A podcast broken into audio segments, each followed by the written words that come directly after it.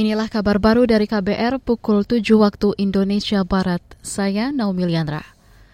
Ketua Serikat Petani Indonesia, Henry Saragi, menyoroti angka kelaparan di Indonesia yang masih tinggi yakni 16,2 juta jiwa atau hampir 6 persen dari total penduduk.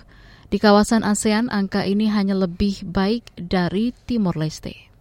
Ya, bahkan dibandingkan dengan negara-negara ASEAN, eh, Indonesia menempati peringkat kedua angka kelaparannya dibandingkan dengan negara-negara lain. Indonesia nomor dua setelah nomor satu yang kelaparannya adalah Timor Leste. Ketua Serikat Petani Indonesia Henry Saragi mengkritik pihak yang menyalahkan musim kemarau sebagai penyebab sulitnya masyarakat mengakses pangan. Menurutnya pandemi dan perang menjadi faktor utama meningkatnya angka kelaparan. Peristiwa tersebut juga mengajarkan jangan ada ketergantungan pangan antar negara maupun antar lembaga. Kabar Pemilu. Kabar Pemilu. Generasi muda khususnya generasi Z didorong untuk memanfaatkan kesempatan memilih pemimpin terbaik di pemilu 2024.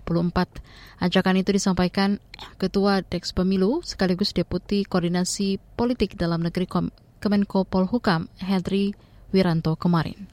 Ini menjadi hal yang penting bagi generasi muda karena mereka nanti yang akan uh, ke depan akan terus uh, mengawal negara ini agar semakin maju dan berkembang.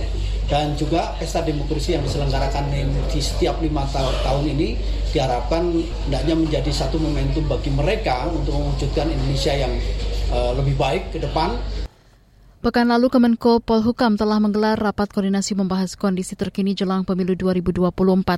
Mereka juga melakukan evaluasi tahapan pemilu yang telah berjalan dan berbagai masalah yang dihadapi.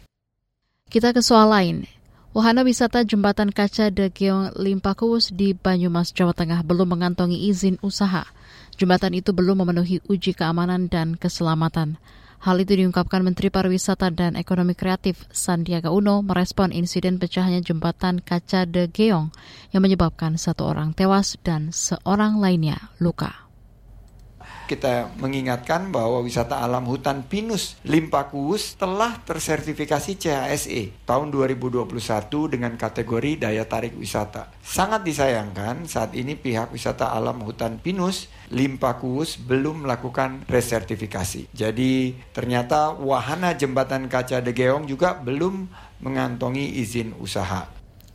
Menteri Pariwisata Sandiaga Uno meminta para pengelola untuk rutin mengecek keamanan dan kelayakan infrastruktur tempat wisata. Dalam kasus pecahnya jembatan Dekeong, polisi sudah menetapkan ES, pemilik tempat wisata, sebagai tersangka. Demikian kabar baru dari KBR, saya Naomi Liandra.